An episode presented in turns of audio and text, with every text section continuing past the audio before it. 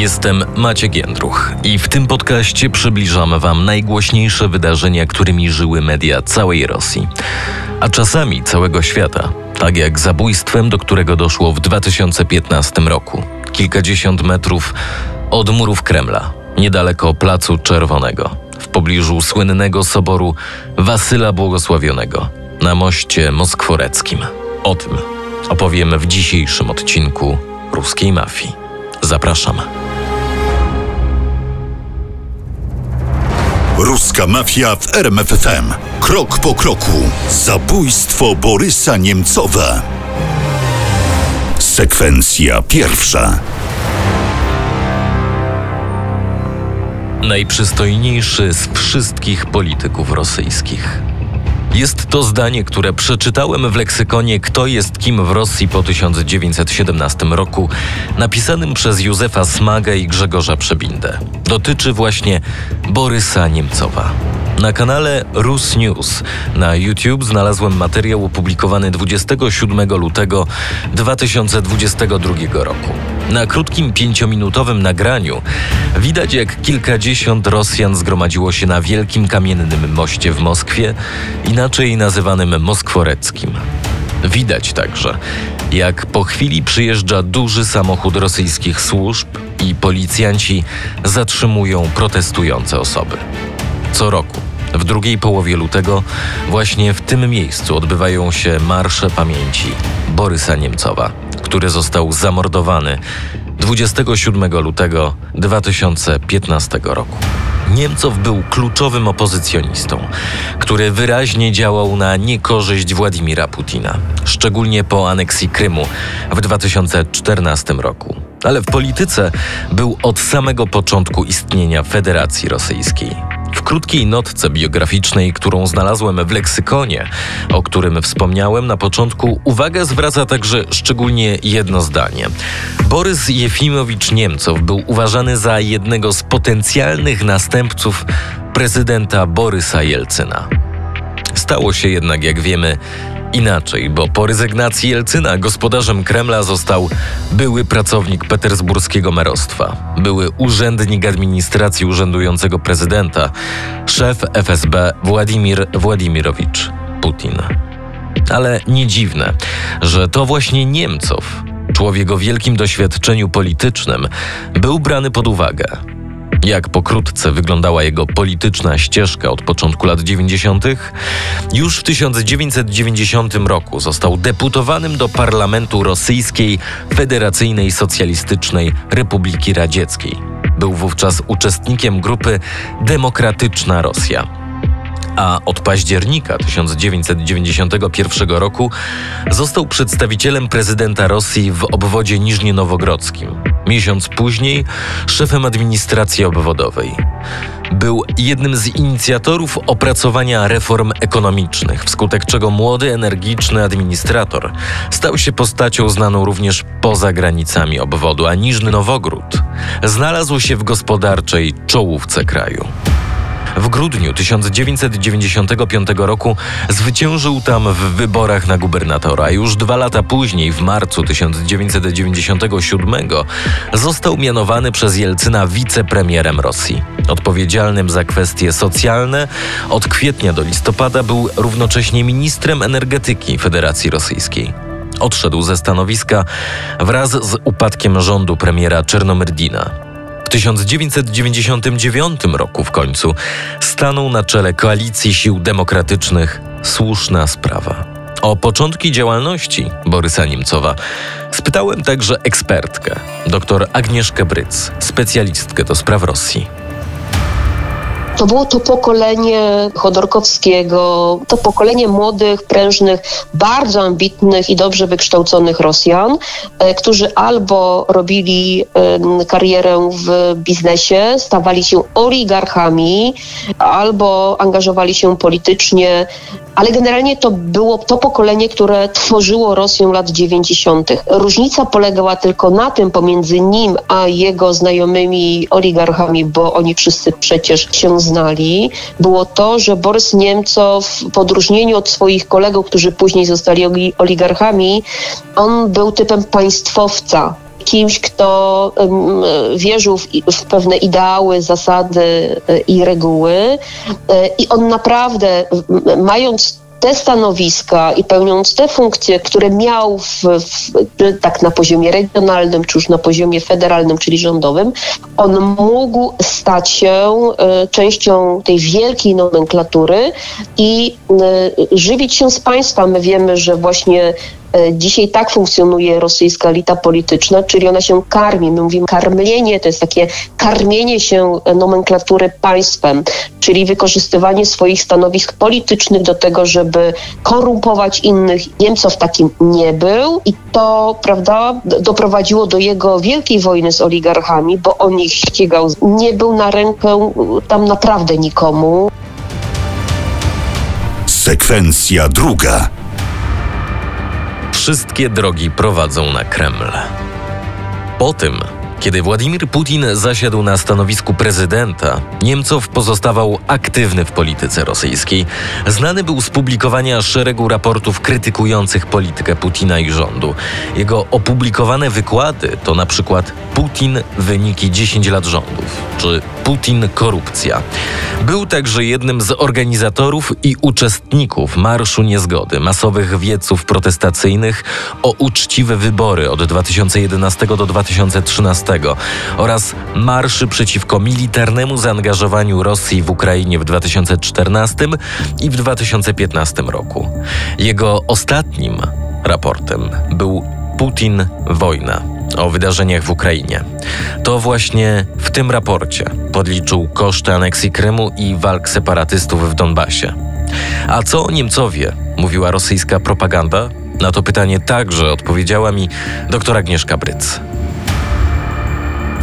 Y, y, propaganda rosyjska y, skupiała się w stosunku do Niemcowa na po pierwsze kwestii tego, że jest politykiem, któremu przyklejono łatkę takiego prawie neoliberała, prawda, czyli tego, który mówił o reformowaniu Rosji, o liberalizmie Rosji, o wolnym rynku w Rosji, a więc y, to jest takie natychmiast tworzyć taki y, obraz w oczach każdego Rosjanina, że to jest ten, który chwali smutę rosyjską, czyli za ten wielki kryzys y, lat 90. i te bardzo trudne reformy, od których tak bardzo radośnie Putin odszedł. Y, wypominano mu oczywiście y, y, związki pozamałżeńskie, małżeńskie, ale tym takim najbardziej ciężkim oskarżeniem było prawda, sugerowanie, że to jest to ktoś, kto znowu Rosjanom zgotuje smutę, bardzo trudne czasy gospodarcze. Borys Jefimowicz Niemcow został zamordowany w lutym 2015 roku. Niecałe dwa miesiące później na konferencji prasowej dziennikarka Irina Hakamada, pytając się Władimira Putina o obecność rosyjskich wojsk na Krymie, zaznaczyła, że o tym fakcie wiedział Borys Niemcow. Putin odpowiedział wtedy, co zresztą przypomina Krystyna Kurcza-Bredlich w swojej książce Wowa Wołodia Władimir Tajemnice Rosji Putina, że żołnierzy rosyjskich w Ukrainie nie ma. Po roku w filmie pod tytułem Putin Pójdź na rodzinę Władimir Putin już jednak poinformował, że żołnierze w Ukrainie są i on sam przyznał się jako głównodowodzący operacji przejęcia Półwyspu. To wszystko było podawane w mediach jako możliwe motywy zabójstwa Borysa Niemcowa. A więc znowu wszystkie drogi i poszlaki prowadziły na Kreml ale oczywiście oficjalna wersja była inna. Sekwencja trzecia. Fajerwerki. 27 lutego 2015 roku Borys Niemcow był gościem radia Echo Moskwy. Podczas długiego wywiadu opowiadał o przygotowaniach do kolejnej opozycyjnej demonstracji Wiosna, która miała się odbyć w moskiewskiej dzielnicy. Prawdopodobnie zaraz po tej rozmowie udał się do GUMu, wielkiego centrum handlowego przy Placu Czerwonym, do kawiarni Bosko ze swoją partnerką, ukraińską modelką Anną Duricką. W 2018 roku przeszła do finału konkursu piękności Miss Ukraine Universe. Jak przeczytałem w wywiadzie, który Anna udzieliła ukraińskiemu dziennikarzowi Dmytrowi Gordonowi opublikowanym na portalu gordonua.com, zaraz po kolacji Mieli się udać razem z Borysem do jego moskiewskiego mieszkania. Ona chciała zamówić taksówkę, on wolał się przejść. Государственный универсальный magazyn, czyli GUM, znajduje się 5 minut spacerem od wielkiego kamiennego mostu. Źródła podają, że do pary szybko podjechał samochód. Miało paść sześć strzałów. Cztery z nich trafiły w plecy Niemcowa. Jak te wydarzenia przedstawia doktor Agnieszka Bryc?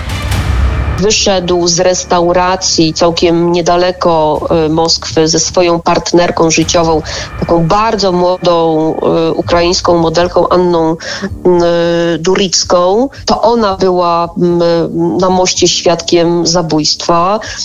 Pojawił się biały samochód, a z tego samochodu strzelono w plecy Niemcowa, więc Niemcow był ofiarą w zasadzie natychmiastową jego partnerce Annie nic się nie stało i znając mentalność rosyjską, e, natychmiast wybuchły e, liczne spekulacje, dlaczego zginął Niemców, a nie zginęła jego partnerka. No, pojawiły się teorie spiskowe, jak to mm, zwykle ma miejsce w Rosji, że była ona zaangażowana, albo jeżeli nie zaangażowana, to musiała mieć coś wspólnego z zabójcami, skoro jej nic się nie stało. To była jedna historia mocno spiskowa. W zasadzie y, cała masa no, pojawiła się różnych domniemań, między innymi takich, kto tego dokonał, bo jeszcze wtedy nie było wiadomo, że to muszą być Czeczeńcy.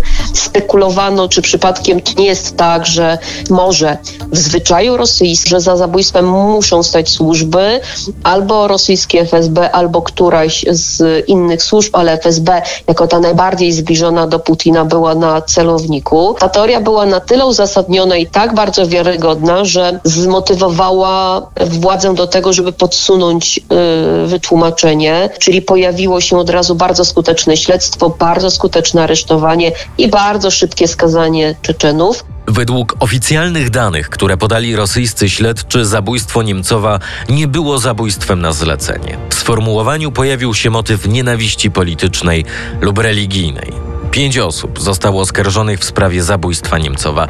Zaur Dadajew, Anzor Gubaszew, Hamzat Bachajew, Tamerlan Eskierhanow i Żahid Gubaszew. Śledczy uznali za sprawcę zbrodni zastępcę dowódcy czeczeńskiego batalionu Północ Dadajewa.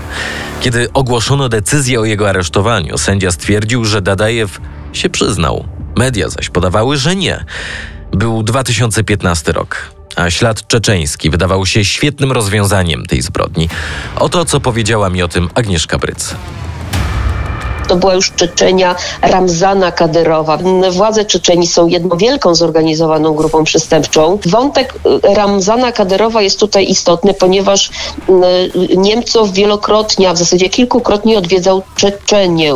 Podczas pierwszej wojny czeczeńskiej szalenie irytował prezydenta Jelcyna, się nawet na niego kilkukrotnie obrażał, kiedy zebrał milion podpisów takich antywojennych i y, złożył te listy prezydentowi prezydentowi Jelcynowi i drugi raz trafił Niemców do Czeczenii podczas drugiej wojny czeczeńskiej, kiedy zakończyła się już ta faza militarna i Rosjanie zaczęli traktować Czeczenię, to znaczy armia rosyjska i władze zaczęły traktować Czeczenię jako operację specjalną, taką trochę na kształt w Ukrainie. Nazywali ją operacją antyterrorystyczną.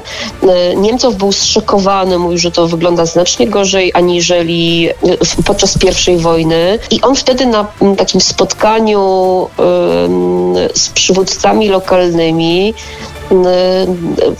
został poproszony o wystąpienie. On oczywiście zastrzegł, że to, co powie, nie będzie się podobało albo nie może się podobać prokremlowskim czy związanym z Kremlem e, działaczom regionalnym, w tym przypadku czeczeńskim. I wtedy, kiedy schodzi, on to tak opowiada, a później przedstawia dokładnie tę samą historię w swojej biografii. On opisuje właśnie tę, tę scenę, kiedy schodzi, schodził z mównicy, podszedł do niego, jak, jak, jak Niemcow mówił, człowiek o białych oczach, który wyciągnął, i to też jest ciekawe, legitymację oficera FSB i powiedział mu wprost, że za to, co powiedział, powinien zginąć. I potem się okazało, że był właśnie Ramzan Kadyrow. Krystyna Kurcza-Bredlik we wspomnianej przeze mnie już biografii prezydenta Rosji w rozdziale pod tytułem Niepełna lista ofiar Władimira Putina sporządziła właśnie taką listę.